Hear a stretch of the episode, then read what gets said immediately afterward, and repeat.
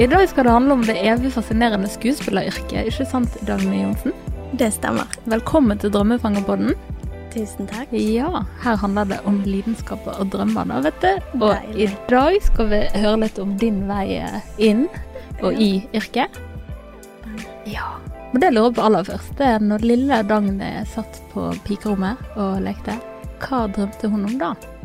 Jeg tror jeg drømte mest om eventyr og reise og liksom Jeg tror jeg drømte om eventyr og reise og liksom oppleve verden, da.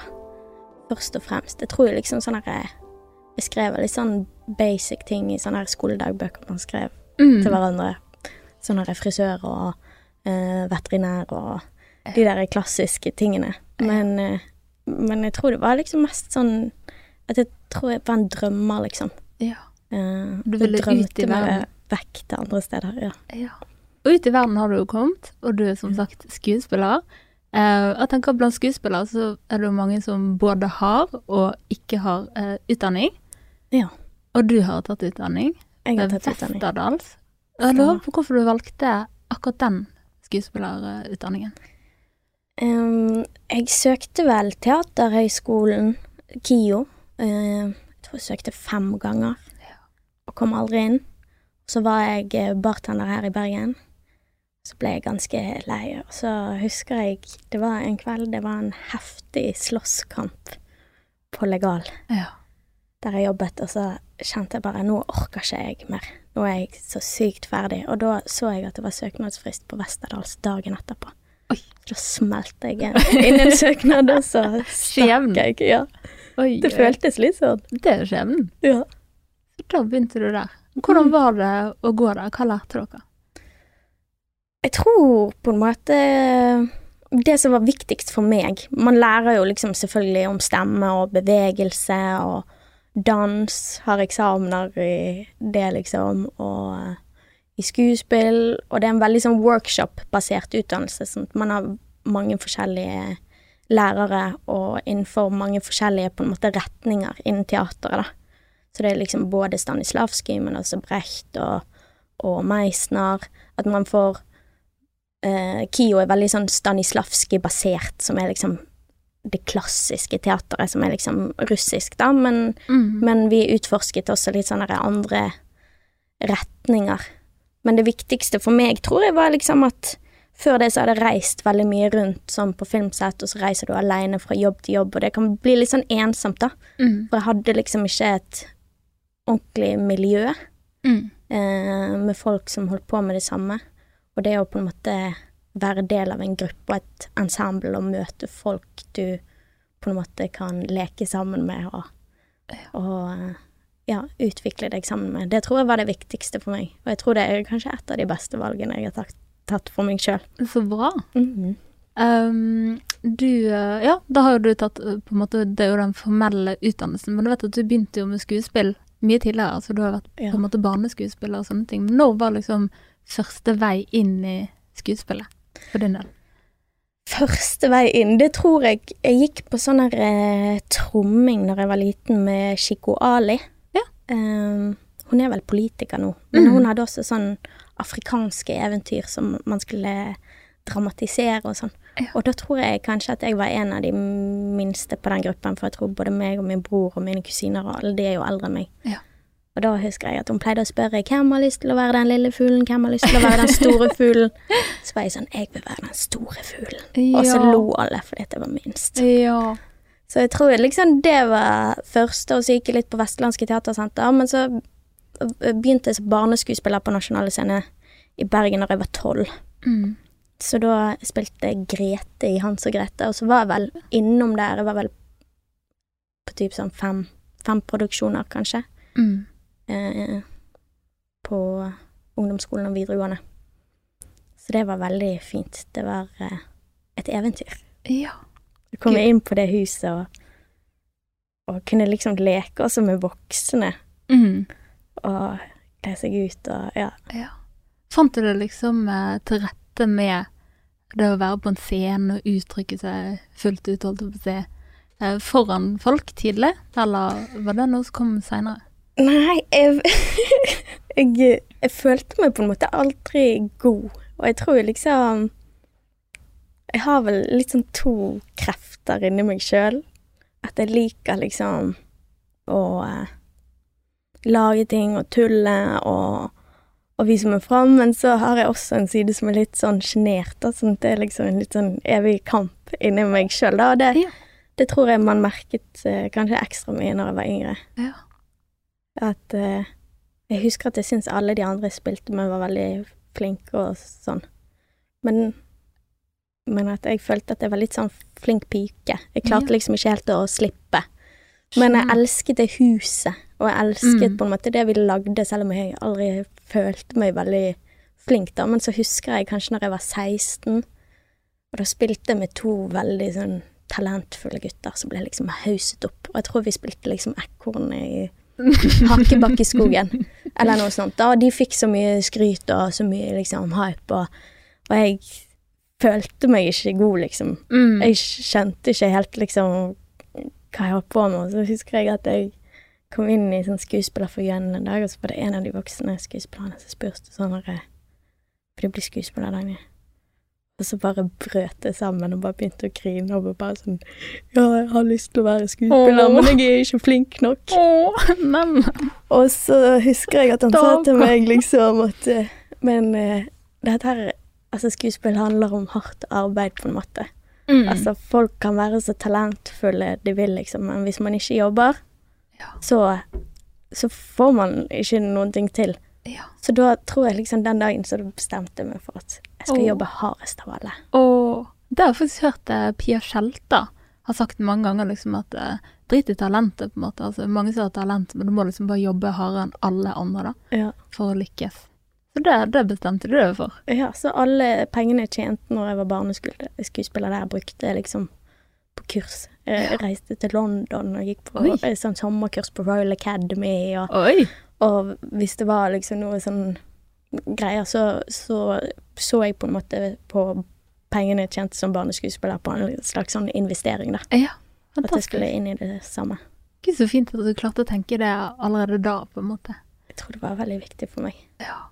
Men tilbake til det du sa med at du liksom hadde de to kreftene som kjemper litt imot hverandre. Er det liksom noe som ja, lærere og instruktører og pedagoger som har drevet og pirket i og liksom prøvd å Ja, eh, gjøre noe med, på en måte?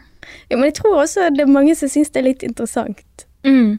Det er vel eh, Fordi det er ofte sånn her hvis jeg blir veldig nervøs, så føler jeg at jeg må tøffe meg litt. Mm.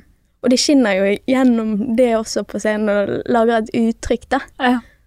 Og jeg tror liksom hvis jeg er bevisst, så kan jeg på en måte gå en av veiene. Mm. Men jeg tror også det kan være litt interessant med den eh, indre kampen, at man kan se det av og til. Man At man kjemper litt med seg sjøl. Oi. Det, det er litt kult. Men eh, sånn, når det kommer til dine personlige egenskaper, på en måte, hvilken, hvilke egenskaper vil du si på en måte gjør at du passer til det du driver med, da? Jeg tror vel kanskje det er akkurat det at jeg er på en måte veldig modig og veldig sårbar samtidig. Mm. Um, ja. Ja. Uh, og så er det jo at jeg er ekstremt interessert i menneskesinn, og jeg er jo nerd, liksom. Jeg har jo studert på en måte film og teater på egen hånd siden jeg var liten, da. Ja. Fant ut at hvis jeg skal være skuespiller, så må jeg på en måte ta til meg alt, da. ja. Fantastisk. Så ja, Det har du gjort. kanskje det. Og det er jo også sånn her eh, Ja, at i noen situasjoner så Hvis jeg blir usikker, at jeg må tøffe meg litt. Altså, men jeg tror også istedenfor å trekke seg tilbake, så går jeg Ja. Hvis man tenker på sånn fight or flight, Ja. så Så går så jeg som regel i fight. Ja, fantastisk. Jeg er helt mot. Jeg fryser til is. ja. Men um, um, da kan du på en måte For at jeg tenker liksom skuespilleryrket, det er vel få yrker som på en måte du f.eks. må takle avslag mer. Jeg tenker modeller og skuespillere, liksom det her å på en måte by på seg sjøl, stille opp en audition, og så liksom bare legge det i hendene på noen an andre, så kan de si ja eller nei, vi vil ha det eller ikke, sant. Ja. Um, så jeg lurer på en måte på ja, I og med at man liksom hører så mye historier om liksom den håpefulle skuespilleren som prøvde å lande denne den rollen, så gikk det ikke. Altså, hadde det noen gang vært deg? Liksom at du Ja, har prøvd og prøvd og liksom ikke nådd igjennom, da. veldig mange ganger. Ja. Hvordan føles det? Altså, det er jo på en måte en verden av avslag. mm. Og jeg syns jo på en måte at som regel går det fint, Mm. så lenge man har andre ting å gjøre. Mm. Men jeg må innrømme at jeg merket nå når det var pandemien, da var jo jeg en av de heldige i klassen min som gikk ut med jobb. Jeg Mm. tror vi var tre i klassen av 20 som gikk ut med jobb, så jeg var jo en av de mest privilegerte. Men Mm. samtidig å være arbeidsledig da i syv måneder, Mm. og de fleste på en måte vennene mine i samme bransje, eh, man får sånne kontrakter at man helst ikke skal møte andre som Mm. man ikke filmer med. Ja. ja, for Eh, det blir liksom kohorten. Ja, og da blir det jo liksom sånn hvis du har et prosjekt tre uker frem i tid, så må du planlegge ok, ti dager før jeg skal filme, så må jeg prøve å ikke se noen, da, og så eh, tester du det jo hver dag, da. Ja. Eh, og jeg tror det aldri har vært så stille, liksom, på tilbud, og når man får mange auditioner, så vet du liksom ok, jeg får kanskje ikke den, men kanskje jeg får eh, noe annet, da. Mm. Og så prøver du mange, og så vet du kanskje at sannsynligvis så får jeg noe. Ja. Men jeg tror jeg aldri har hatt så lite auditions Nei. hele de syv månedene.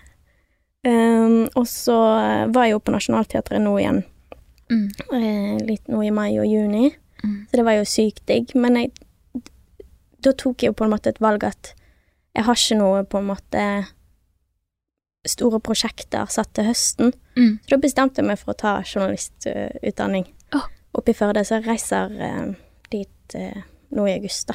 Skal jeg være i Førde i fire måneder. Ja. Fordi at jeg vil heller lære meg noe nytt, Dødskult. og det føles litt sånn at jeg tar skjebnen i egne hender istedenfor å gå liksom og vente på andre hele tiden. Ja. At, Det er jo gull. Jeg tenker at de to tingene henger nok veldig godt sammen. Ja. Altså journalistikk og skuespill. ja, det tror jeg også. Det å skrive og sette seg inn i andre og møte mennesker og Mm. Og, og liksom fiske opp eh, gode historier og Ja. Tror du det blir sånn at du får lyst til å spille ut scenen? Ja, det kan godt være. Jeg tenker jo liksom at, at eh, Jeg syns jo journalistikk er veldig interessant, men uansett så vil jeg på en måte utvikle meg mer innen skriving og sånne ting Ja. også. ja. Så eh, jeg tenker jo liksom Det er jo en vinn-vinn uansett. Det er en vinn-vinn. Hm. Det, det, det er kult. Vi kommer egentlig litt tilbake inn til det, for jeg har flere spørsmål om den Førde-turen. Ja. Men før det tenkte jeg sånn Ok, du spiller både på teaterscenen, som vi har skjønt, og så også på skjerm. Du har hatt store roller. Um, men hvilken av de to på en måte scenene liker du best personlig å spille på? Jeg liker begge deler. Jeg liker balansen. Jeg liker på en måte På teater så elsker jeg at man gjerne har seks til åtte ukers prøvetid å forberede seg på å gjøre en rolle, sånn at man kan liksom innstudere det ordentlig godt og, og terpe hver scene. Mm. Og på film og serie så er det litt mer sånn her geriljastil, liksom. Ja. At man gjerne ikke møter den man skal spille med før der på dagen, og så må man bare kjøre på og stole på at liksom den analysen man har gjort på egen hånd, Ja. funker. Hvis ikke så må man tilpasse seg. Ja. Eh, så jeg liker jo på en måte begge deler veldig godt. Mm. Eh, jeg kjenner jo liksom nå at jeg har lyst til å gjøre mer teater, egentlig. Mm. Fordi at eh, jeg har lyst på den på en måte mengdetreningen og det å være i et ensemble, da. Mm. Istedenfor å liksom reise fra prosjekt til prosjekt. At du Ja. får liksom litt mer sånn Ja, det virker så koselig og gøy. Ja. Men jeg har tenkt mye på liksom, når det kommer til det å være skuespiller, på en måte dette her med kjemien med de man, altså medskuespillerne, og si du på en måte har for eksempel en rolle i en serie, da du for Mm. eksempel spiller kjæresten til noen, eller søsken, eller whatever, sant, men bare det å liksom bare få den der kjemien til å funke, det er jo ikke alle mennesker man har kjemi med, sant. Nei. Hvis du da ikke møter dem før første dag på sett, så vet du det på en måte ikke før tiden er inne, liksom, og ting liksom må sitte. Nei. Eh, hva gjør man da? Nei, altså Jeg syns jo dette er veldig interessant, da. Mm. For hvis man har god kjemi, Ja. så er det liksom Av og til så kommer man til et punkt der det nesten føles ekte. ja, for det er det noen ganger som skal for god kjemi òg, liksom. Ja, og da blir det sånn her Det jeg føler på nå, Ja. er det meg, eller er det liksom noe jeg har skapt inni meg sjøl på denne jobben? Ja. Men hvis, hvis Det syns jeg er veldig interessant. Ja, Og så hvis det ikke er noe kjemi, så prøver jeg å liksom finne én ting, Mm. kanskje, eller noe man liker med motspilleren, da, om det er liksom Oi, du, du, har fine øyenbryn, eller, eller Ja. liksom Fokusere på det positive. på Ja, eller fokusere på én ting som du syns er interessant, eller noe du gjør med ansiktet ditt akkurat Mm. der. At jeg prøver å på en måte fokusere på det framfor liksom ikke tenke på det som kanskje ikke liksom funker, da. Oi, oi. Det, du blir nok en veldig god sånn stu, stu, altså student på en måte av mennesker, da. Ja, At du ser nok mennesker veldig godt. Og kan jo tenke at du sikkert plukker opp en del ting fra folk du møter, og venner, og som sikkert Veldig. havner i disse rollene dine på en eller annen måte. Ja, virkelig. Ja, det, det er jo sånn, og jeg tror jo kanskje det beste menneskestudiet jeg har hatt, det er jo fra å jobbe i baren. Ja. Observere fulle folk, fordi at intensjonene blir så tydelige. Det er akkurat det. Det er faktisk et spørsmål om etterpå, for jeg lurte på det, liksom, hva du har hentet med deg fra legal. Ja, nei, det, det er mye sånn med intensjoner og, og kanskje litt sånn her eh, Folk som beveger seg på en spesiell måte. Ja. Noen ganger sant, så begynner man Jeg er sånn her, jeg, jeg tilpasser meg litt hvordan jeg jobber fra rolle til rolle, så noen ganger så starter man utenfra, kanskje med noe fysisk, kanskje måten man går på, Mm. eller liksom måten man snakker på Mm. uttrykker seg på. Uh, mens andre ganger så begynner man liksom med sinnet, da, og, Ja. og noe på en måte nærmere deg sjøl. Ja. Eh, og jeg har definitivt sett veldig mange interessante typer fra Ja. Jeg kan tenke meg det. Mm. Og eh, det gøye må være hvis de sjøl liksom plukker opp liksom Det er jo det er meg hun har tatt fra. Jeg tror ikke sånn der Jeg tror på en måte at, eh, at man kan så tenke at det er veldig tydelig når man gjør det, men, men jeg tror ikke det blir så tydelig. Nei. Og så gjerne så begynner man med et utgangspunkt, og så blir det ganske forskjellig, da. Ja, etter hvert. Det, det, det vil jeg faktisk tro. Um, ok, vi må snakke litt om Vikings. Ja. Tidenes eh, HBO-serie som du hadde en rolle i. Ja. Prinsesse Snefrid. Hvordan var det? Hvordan fikk du rollen? Um, First things jeg gjorde vel en audition til uh, en av de der jentene på Island, som jeg tror liksom en av de svenske En svensk jente fikk. Mm. Og så fikk jeg ikke den. Og så var jeg oppe i Nord-Norge og spilte inn en kortfilm. Mm. Og så tror jeg det var en torsdag. Mm. Og så ringte agenten min og sa at uh, de heller ville ha meg til en annen rolle. Fordi de likte veldig godt auditionen min, men at de syntes ikke at jeg passet akkurat til den rollen. Mm. Så da ringte de og spurte om jeg ville være prinsesse Snefrid, og om jeg kunne komme på mandag. Så da var jeg ferdig å filme i Lofoten og flydde tilbake til Bergen på søndagen. Bare pakket om tingene mine, og så dro jeg rett til eh, Irland, da. Ja. Og eh, jeg, jeg hadde ikke sett serien eller noen ting.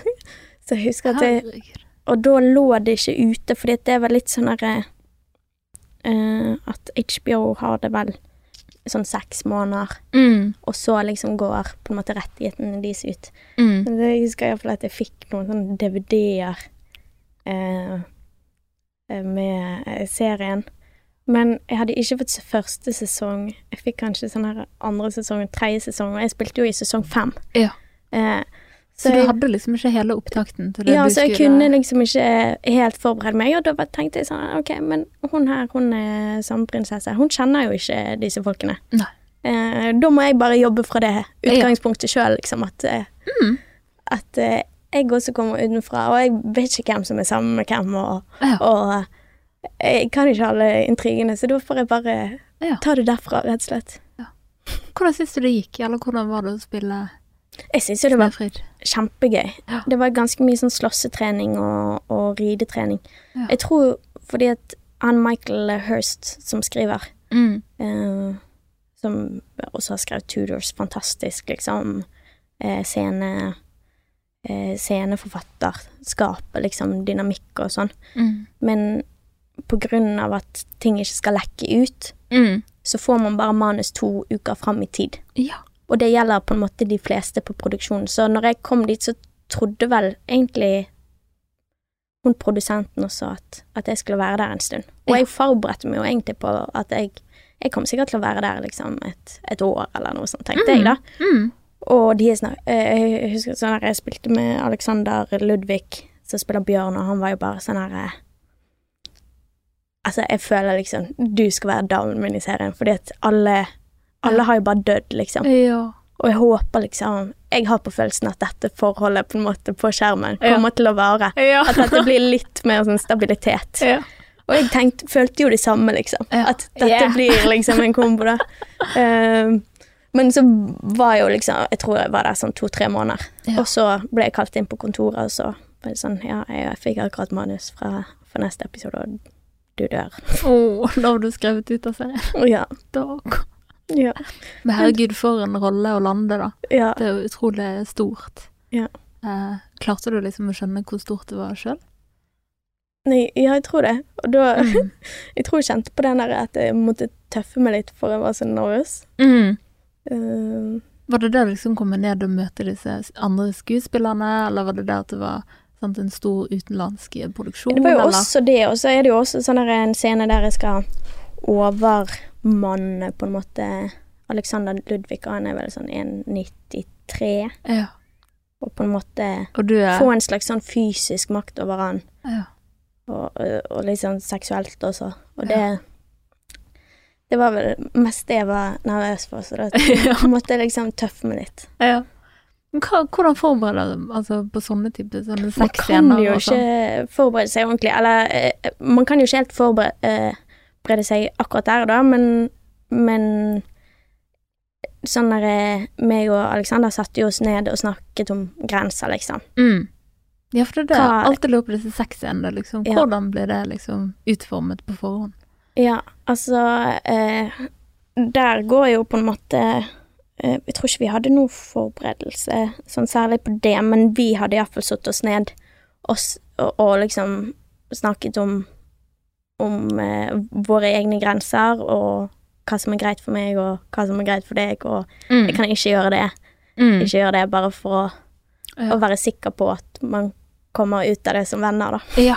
ja, klart. Ja, for det er noen ganger Eller har, har du kommet fram til den eh, metoden på en måte fordi at man har glemt å gjøre det tidligere, og så har ting liksom eskalert litt utover det man er komfortabel med, liksom?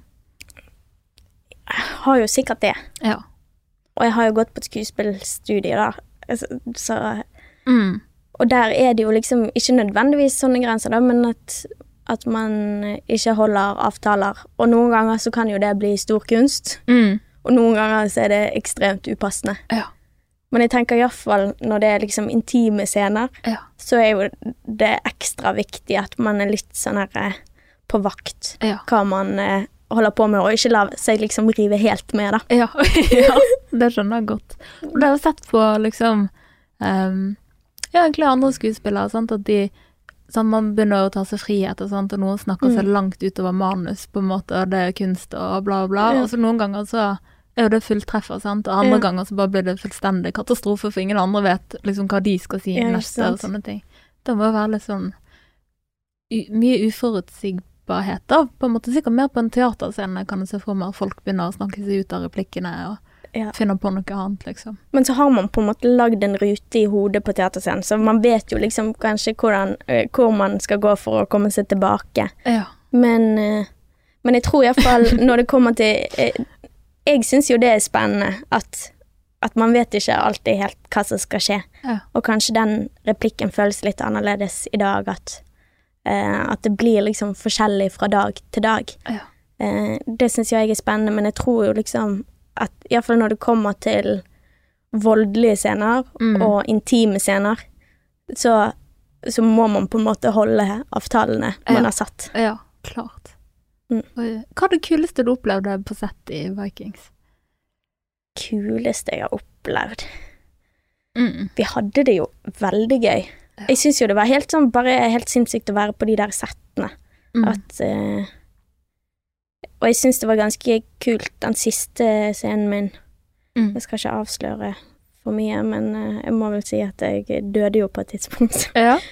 Eh, og det fikk vi ikke helt til, men jeg syns det var jævlig kult at vi prøvde. Da prøvde vi en one take som jeg tror varte i sånn tre minutter der jeg løper Ja. gjennom skogen, og det er 500 statister. Ja. Og så er det, må du liksom tenke det er en stuntmann, det er en stuntmann, den skal jeg slåss med, den skal jeg slåss med. Mm. Oi, shit, jeg finner faren min død. Faen, jeg må komme meg ut herfra. Ja. Og så får du en øks i trynet og faller ut av bildet. At, at vi prøvde å få alt det i én tagning, da. Sånn at kameraet følger meg liksom til et tre. Ja. Og jeg syns det var veldig fascinerende, på en måte, all den koordineringen Ja. og på en måte få til alt, da. ja.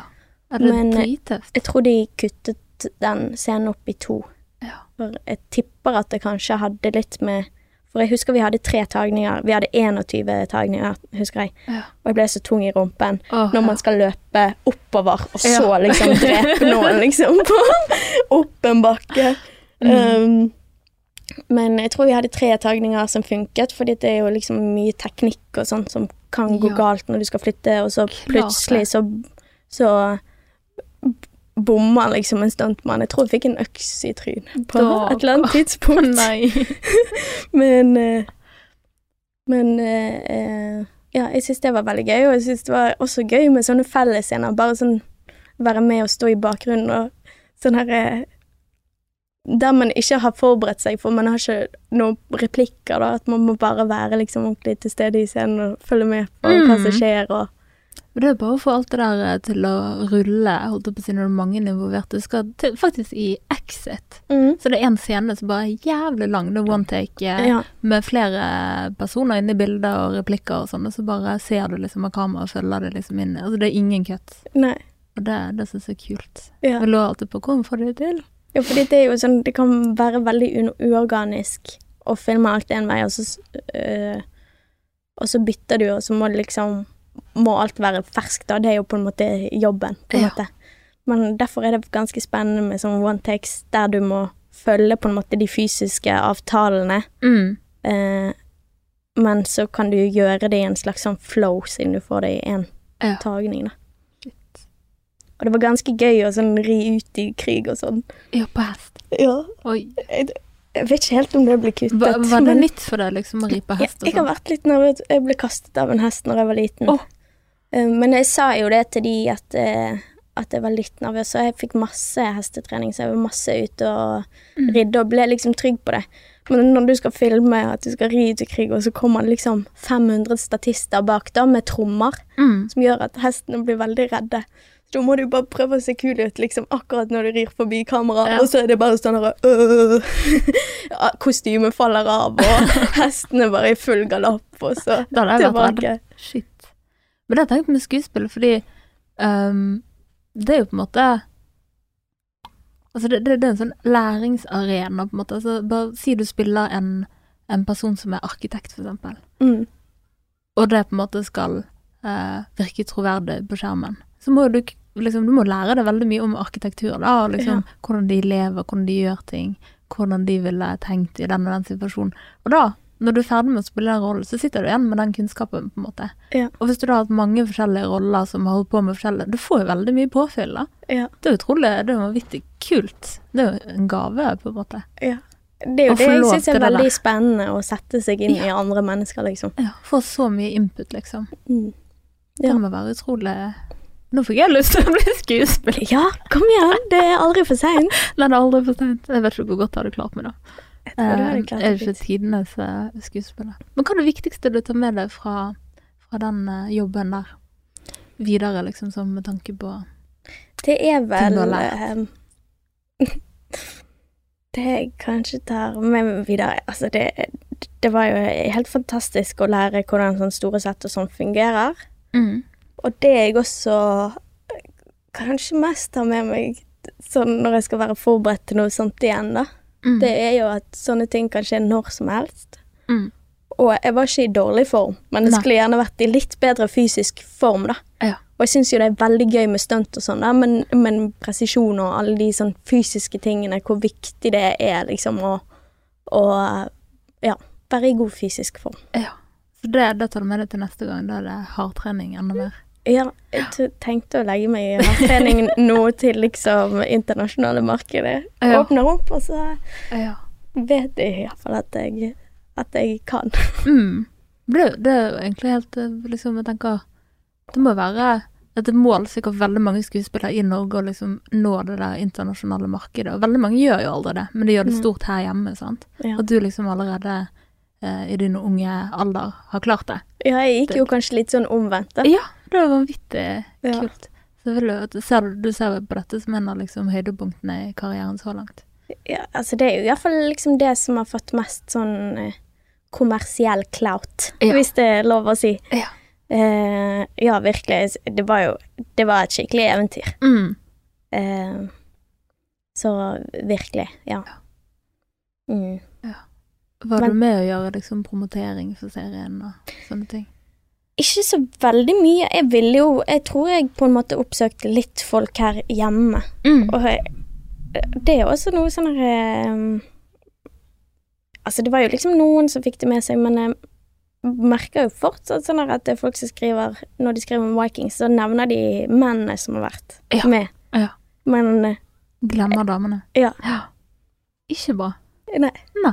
Eh, men eh, jeg var bevisst på at jeg ville gjøre litt presse, sånn at jeg kanskje kunne få litt flere auditioner her. Mm. Fordi det er jo liksom sånn Jeg gjorde jo også en film i sånn 2014 som jeg ble nominert til beste skuespiller i Canada for. Ja. Eh, som heter Violent, som var en sånn indie-film vi spilte inn i Bergen. Ja. Men det er jo ingen her som på en måte Nei. fikk det med seg heller, sant? ja. Og det Og- var da dere havnet i San Sebastian, eller hvor var det? Ja, vi var i San Sebastian. Eh, ja, det er helt sinnssykt. Ja. Og uh, vi var på Carlo Vivari, han var på filmmarkedet i Cannes, og han var vel i Los Cabos i Mexico. Han var på en sånn sinnssyk runde. Ja. Vi vant masse priser. Eh, på en sånn Egentlig sånn der eh, Jeg tror de betalte husleien min i to måneder mens vi filmet. Jeg møtte noen sånne gutter som nettopp hadde kommet ut fra filmskolen, Ja. som ville lage en film på et språk de ikke forsto. Mm. Og de hadde ikke noe særlig penger, så vi lagde jo den bare på vilje og, og lidenskap. holdt Zero jeg budget, liksom. Ja. Vanvittig kult. Og så at han bare liksom nådde disse filmfestivaler rundt omkring. Ja. Det er jo liksom Vi sto jo liksom på fest i San Sebastian med Orlando Blom og Benicio del Toro og, Ja. og Charlotte Gansbourg, Og jeg Mm. bare sånn her eh, Og hva er det han heter? Ja, jeg husker at jeg ble så sykt starstruck av uh, eh, Hva er det han heter? Eh, John Malkovich. Ja. Var sånn på vei bort og så, hei. og så, fordi at jeg hadde sett Han hadde spilt Don Juan, der han sang opera. Han kan ikke synge opera, men han bare eide det så sinnssykt. Ja. Så skulle jeg liksom bare gå bort til han og si takk for filmen, og så klarte det ikke. Jeg måtte bare gå en sånn runde rundt. Vi sto og så på hverandre, og han skjønte liksom Han skjønte det. på vei- til det, så bare måtte trekke meg, da. Oi. Men eh, ja. Så du kan fortsatt bli starstruck? Ja. Ja, ja for dette, det, det er jo liksom interessant når det eksponeres for store stjerner. Ofte på en måte liksom ja. Om det der forsvinner eller ikke. Jeg vet ikke. Jeg tror liksom hvis du ser noe som liksom rører deg dypt, da. Ja. Og jeg kan jo fortsatt bli starstruck av venner, nesten, hvis de lager noe musikk eller, Ja.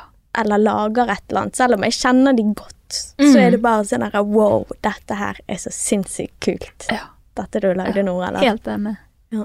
Ja. Apropos venner, vi må gi en liten shout-out til Anais. Anais, Hei, hei, hvis du hører på. Ja. Creep-gjengen.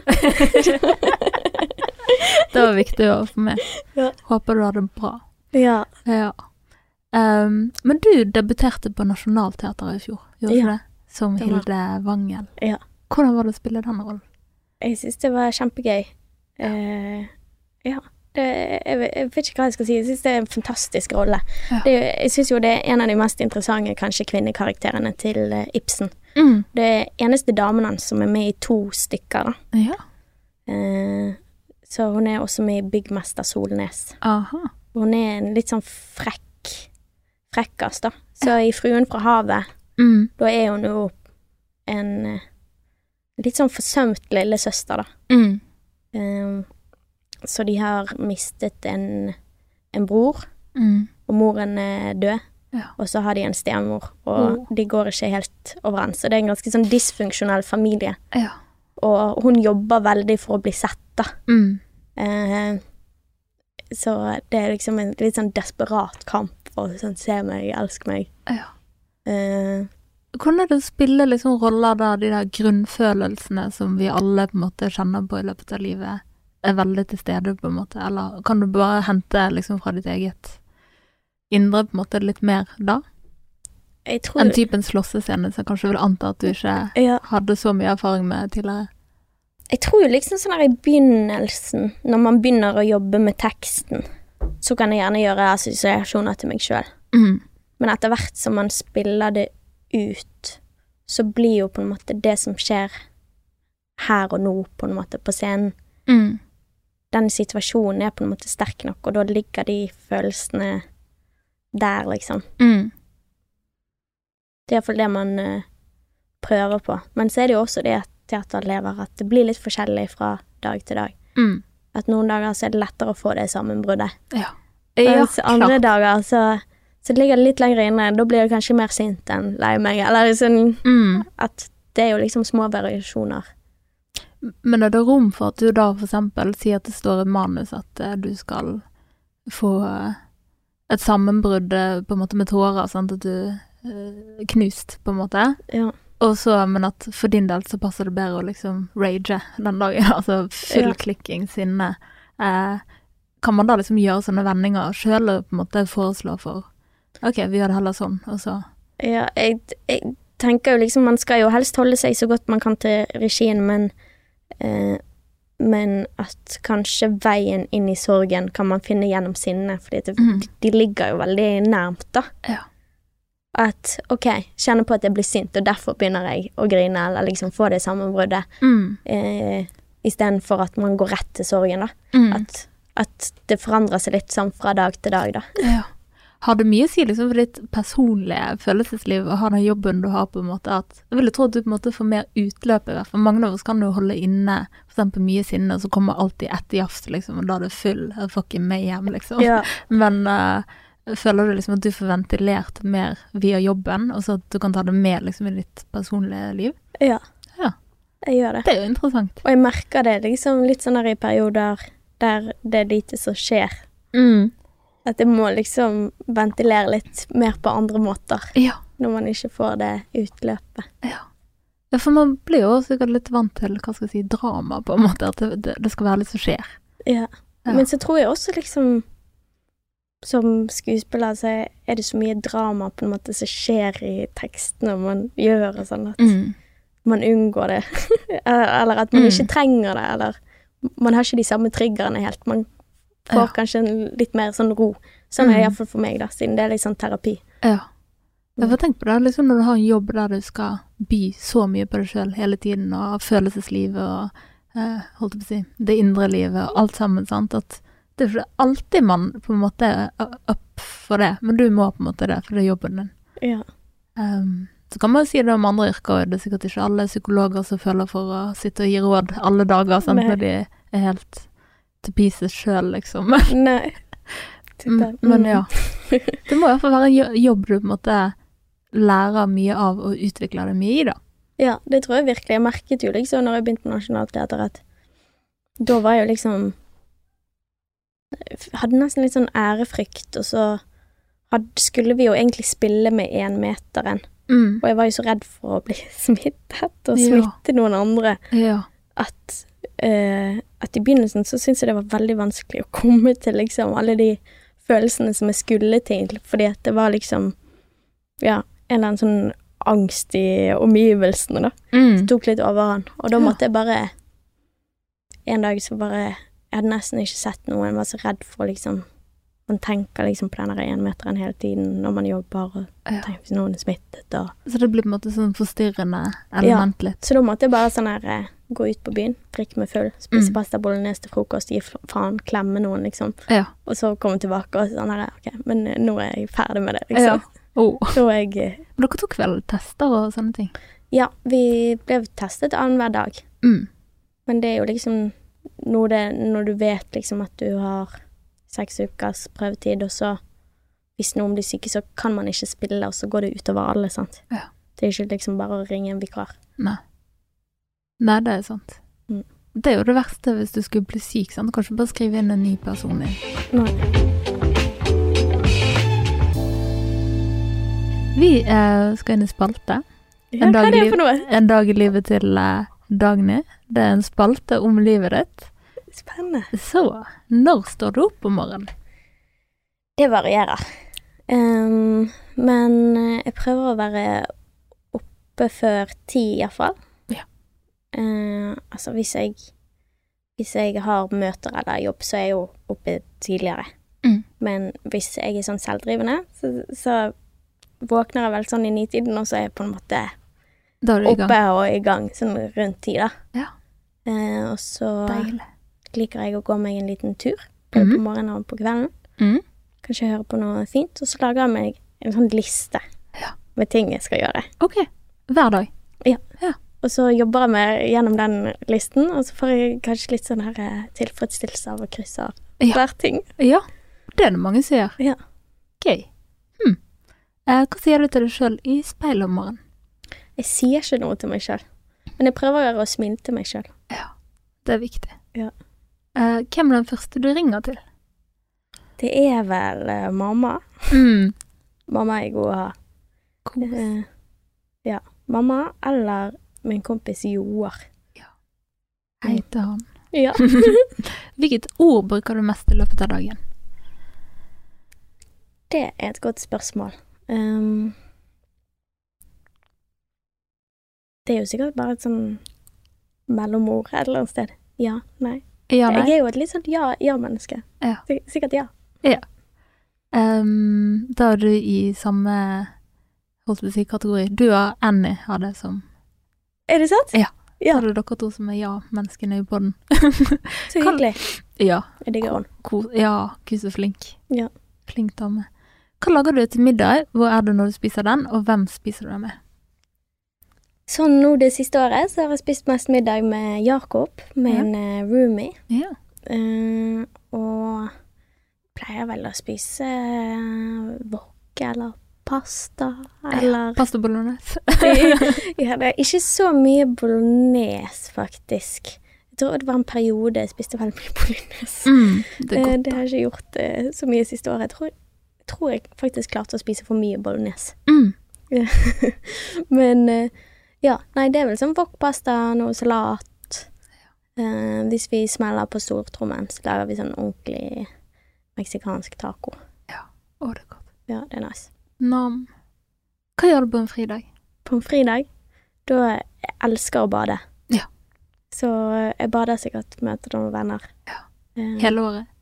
eh, ja, jeg har eh, Jeg begynte vel Men det var vel Altså, jeg, jeg elsker jo å bade, men uh, iallfall nå i vinter så har jeg badet hele vinteren. Så da begynte jeg i november.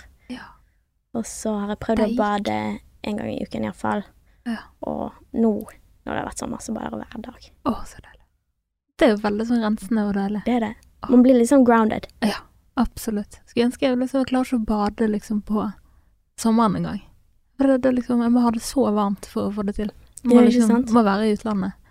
Men jeg føler liksom sånn her, det som gir meg noe, er jo på en måte Når det er kaldt og sånn, er jo følelsen etterpå. Ja, At gud. Jeg må jo innrømme, det er jo ikke liksom veldig behagelig å gå ut i når det er liksom null grader. Nei. Men det setter jo liksom i gang systemet, og Ja, man kjenner jo man eh, liksom.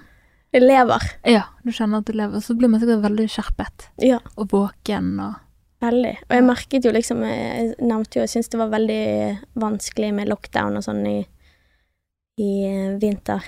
mm. Og da følte jeg liksom sånn her Hvis man er på vei mot litt sånn depressive tanker, Mm. Så føler jeg at når man går ut i det kalde vannet, så kjenner man sånn herre Ja, ja, men jeg vil eh, Der fikk jeg det bekreftet at overlevelsesinstinktet er så sterkt at Ja. jeg vil iallfall ikke dø. Ja, Jeg vil leve, liksom. Ja, du har lyst til å leve. Oi. Hvilke podkaster hører du på? Podkaster Jeg hører ikke så veldig mye på podkast, men jeg tror jeg nesten har hørt eh, hele Alle våre ligg. Ja. Eller våre var det? Det er de svenskene, sant? Ja. Ja. Den liker jeg veldig godt. Og så Han versus henne. ja. Og den er der personlighetspodden til Harald Eia og de, det syns jeg er veldig spennende. Og eh, i det siste så har jeg hørt mye på um, Else Kåss Furuseth og han Peder Kjøs og, og uh, Kave Mm. Mm. Og så har de med en gjest. Det er Ja. noe sånn friskmelding, eller hva heter det? Sånn her eh, Ja. Det heter et eller annet sånn derre eh, Bli Ja. frisk, eller noe sånt. Mm. og så Gøy. snakker om sinnet og kroppen. Ja. Gøy. Det er du veldig interessert i sinnet, har jeg skjønt. Ja. Gøy. Hva gjør du på en fridag? Eh, nei, da henger jeg med venner eller bader. Ja. Og så er det hvilket lesestoff ligger og venter på nattbordet. Akkurat nå så leser jeg begynnelser av Carl Frode Tiller. Mm. Um, jeg har lest eh, I det siste så har jeg også lest en del eh, Agnes Ravatn, Ja. som jeg har lyst til å lese mer av. Ja. Og så leste jeg vel 'Fuglene' av ja. Vesaas Å. forrige uke. Gøy. Ok, så du leser en del? Ja, jeg har jo fått begynt det siden jeg forbereder meg litt til sånn nynorsk journalistutdanning. Ja. Shit. Men Det var det. ja, e- ellers så leser jeg også litt sånne der, fagbøker ved og om kunst og film og om livet. Gøy. Spennende. Jeg må bare spørre om en ting til, for du heter jo Dagny Becker Johnsen, sant? Bakker. Bakker Johnsen. Ja. Men er du i familie, eller eh, slektning av Harriet Becker? Ja. Ja, du er det? Det er min far sin grandtante. Oi, oi, oi. Eh, Da fikk vi det bekreftet. Ja. Det har jeg lurt på. og uh, søsteren hennes eh, var pianist. Ja. Eh, Agathe Bakker Grandal. Så det spilte jeg faktisk på Nationaltheatret i Fruen fra havet. Åh. Så bruk- eh, fordi det er vel fra sånn 1880-tallet. Ja. Så da spilte jeg på en måte musikken hennes. Deal. Kult. Oi. Ja. Um, du nevnte dette her med Førde. Du, Ja. du skal opp dit og men, men er det noe sånn Skal du være praktikant? Ja, jeg skal være praktikant i Ja. fire dager og Men- få litt sånn opplæring. Ja. Og så eh, kombinert med utdanning, da? Innen Eh, journalistikk. ja, nei, nei jeg, eh, jeg ser vel på det litt som en utdannelse. Ja, ok. Ja. Ja, okay, Da har jeg kanskje misforstått litt. Jeg har kanskje men ja. blandet litt. Ja. Men du skal faktisk være praktikant, så da skal du skrive og intervjue folk og Mm. Hva tar du liksom med deg fra skuespilleryrket inn i det? Det er jo på en måte den interessen jeg har for mennesker. Det var jo derfor jeg tenkte at det sikkert var riktig. Mm. Når jeg tenkte at jeg ville kjenne på og kanskje gjøre noe annet en stund. Ja. Eh, så da eh, tenkte jeg jo liksom jeg er interessert i mennesker, jeg liker historier. Så da tenkte jeg at det var perfekt. Ok, Er du spent nå, da? Ja, veldig. Jeg ja. Hvorfor skal du være der oppe i Førde, liksom, og bo der og Ja. Ja. ja. Nei, jeg tror det går fint. Jeg er egentlig mest nervøs fordi jeg må ha lappen. Ok. Eh, så nå kjører jeg bil hver dag, og jeg tror Ja. det kommer til å gå fint, men, men det er den der eh, lille sånn her på skulderen som Ja. sier sånn her Kanskje du ikke får det til. Ja. Ok, så nå må du ta lappen for, For, å- ja, for hvis man skal være opp dit? Ja, siden jeg skal Oi. være eh, journalist i distriktet, da. Ja, Så så må man- kjøre litt sånn rundt. Ja. ja. Kanskje gå rundt når det er liksom så langt mellom husene. Nei. Det gir jo mening. Mm. Spennende. Og så har du noen prosjekt sammen med en regissør som du jobbet tett med under eh, studiet ditt, da, Ja. som heter Miriam. Ja, Torkilsdottir. Ja. Hun er veldig kul og veldig flink. Og det er kanskje litt pga. korona at dere to har liksom fått tid til å kanskje se litt på egne ting. Ja, altså, jeg, jeg føler jo på en måte Hun er jo en veldig sånn raus regissør som liker impulser fra skuespillere. Ja. Så vi hadde vel en sånn workshop på skolen første året, der Mm. vi på en måte fant hverandre. Ja. Så spilte jeg vel i alle filmene hennes, Oi. eh, som hun lagde som regissør på Westerdals, der eh, vi lekte veldig Mm. eh, mye. At jeg husker for eksempel, det var vel sånn en av de første, så skulle jeg spille en litt sånn space eh, love interest Mm. hovedkarakteren. Og da var hun veldig åpen. Jeg bare sånn OK, men jeg vil at hun skal sykle på enhjulssykkel. Ja. og Ja da. Ja, Blir det det? og så, Liksom? ja, så jobber vi ut ifra det at, at det er veldig sånn dynamisk, da. At Mm. hun er veldig åpen for forslag, og, Mm. Og at man føler liksom Man eier det litt sjøl også. Ja. Eh, Kult. så eh, jeg spilte vel i alle filmene hennes, bortsett fra eksamensfilmen, Fordi da sa vel læreren at kanskje du skal prøve å jobbe med noen andre en dag, Ny. Ja. Eh. Og eh, den tape, den vant jo hun Amanda for. Ja, ja. Men det er vel det som holdt meg gående i vinter. Det var liksom at vi hadde iallfall hjemmekontor én gang i uken, Ja. og droblet på ideer vi har lyst til å lage, ja. Filmer vi har lyst til å lage, serier vi har lyst til å lage. Så vi sendte Gud. Ja, vi har sendt rundt en pitch nå Ja. til en serie. Spennende. Du har kanskje ikke lov å røpe for mye. Nei, kanskje Nei. det, men jeg tror vi skal få lagd den. Da vet vi at ting er på gang. i hvert fall. Ja. Gud, så gøy. En annen ting jeg lurer på, det er liksom Alle mennesker bryr seg jo til en viss grad liksom om hvordan vi fremstilles. Sant? Du ser bare det hvis Mm. man skal prøve å ta bilde av en venninne, så bare 'nei, det var ikke fint', og 'vekk med det', og bla, bla, ta et nytt et, og sånne ting. Hvis, sånn, hvis du får tildelt en rolle som enten har liksom personlighetstrekk som du bare ikke syns noe om, Mm. eller eh, et utseende som du liksom må ha for å ha Ja. rollen, som du ikke syns noe om. Liksom bare Hvordan jobber du rundt sånne type utfordringer? Jeg vet jo at det er veldig mange som er opp, øh, opptatt av det. Ja. Og jeg skjønner jo også det, fordi det er jo eh, vel fortsatt et slags press på å liksom være pen og, Ja. og søt og sånn, men jeg syns det er veldig interessant å bare gå inn i de tingene der og få være litt stygg og få være litt slem og, ja. og Ja. Jeg syns det er veldig gøy. Du ser på det som noe positivt, på en måte. Ja. Ja. Noen må jo ta de rollene også. Absolutt. Men gøy at du liksom er løsrevet fra det der eh, For jeg tror det, har jo sikkert noe med at man vet at folk skal se på, sant. Det hadde jo sikkert ikke vært noe problem hvis det var kun du og liksom filmcrewet som skulle se det. Ja. ja. Men jeg- kult. Men jeg har noen ganger fått litt sånn noia, men jeg vet ikke helt om det er fordi at det er ekkelt å se seg sjøl på film og, Ja. og sånn at, at jeg er veldig fri i prosessen, men rett før ting skal slippes, så kan jeg bli Ja. veldig nervøs. Ja. At det er bare sånn OK, herregud, men hva holdt jeg egentlig på med? Eller liksom Ja. Ja, tenker de går ganske langt i hva man kan få Mhm. skuespillere til å gjøre når det kommer til å passe inn i en rolle, sant? med å klippe hår og gå opp i vekt og ned i vekt. Og, Jeg spilte jo en sånn sant? kortfilm her uh, i Bergen for noen år siden med Jade Aksnes, og da skulle jeg Mm. spille kreftsyk. Ja. Um, og um, da studerte jo egentlig min bror som gikk på cellegift akkurat da. ja. Eh, og eh, så han hjalp meg veldig med det, så det var veldig fint. Men da gikk jeg så inn i liksom de der tankegangene og på en måte hennes på en måte eh, psykologi, da. Mm. At, eh, at de hadde jo på en måte tenkt at du skulle liksom ikke helt se at hun hadde kreft, Ja. fordi at de hadde avsluttet cellegiften sånn at hun Ja. skulle på en måte dø. Ja. Og så ble hun litt sånn der eh, ga faen i alt og var Mm. litt crazy, da. ja. Eh, Men et hår hadde begynt å vokse ut igjen siden hun hadde sluttet på cellegift. Ja.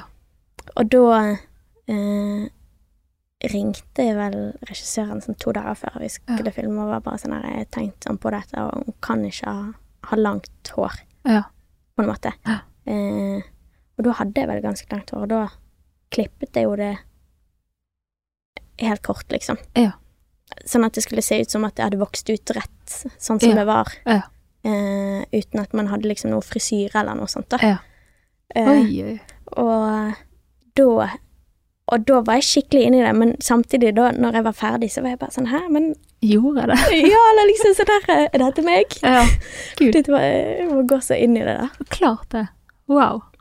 Det er ja, fascinerende at man liksom kan ha den roen, på en måte, at du Ja, for sånn hangups. Ja. Ja, men det må, det må være sånn, liksom. Mm. Ja. Men det denne episoden egentlig har vist, er jo at, som du sa innledningsvis, at du er nerd på dette her, og det, det er du jo. Ja, det skjønte jeg nå.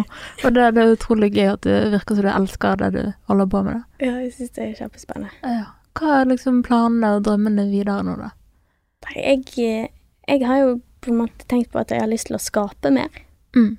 Eh, jeg kommer jo til å liksom fortsette med det jeg holder på med, men også liksom kanskje få litt flere bein å stå på, og, eh, og så har jeg lyst til å kanskje skrive noe eller skape noe sjøl, da. Ja. Skrive manus og Ja. stykker og sånn. Ja. Fordi at liksom som skuespiller så er man jo på en måte veldig et verktøy for andre, og sitter og venter, får jeg være med, får Ja. jeg ikke være med, Ja. at jeg har litt lyst til å lage noe sjøl, da. Mm. Kunne ta liksom kontroll over tingene sjøl. Ja, iallfall litt, eller også på en måte Fordi det er jo gjerne stille perioder når man jobber som frilanser, da. Mm. Og iallfall ha liksom eh, Få en slags eh, Hva heter det Sånn eh, struktur på liksom hva man gjør når man ikke har så mye å gjøre. Ja. Klart. Eh, fordi at jeg er veldig god på å skrive sånn korte historier, men jeg har lyst til å skrive noe lengre. Ja. liksom komme dit, da. Ja, det tror jeg du gjør, altså. Um, de siste tingene jeg lurer på, det er jo i og med at du har valgt en vei som sikkert mange vil, vil kalle usikker, da, på en måte. Mm. uh, om menneskene rundt deg, på en måte, har de støttet deg? Ja, jeg syns jo det Jeg syns jo mamma er veldig støttende. Mm. Men eh, det, jeg tror det, det er liksom noen ganger de ikke helt har skjønt hva jeg holder på med, da. Ja.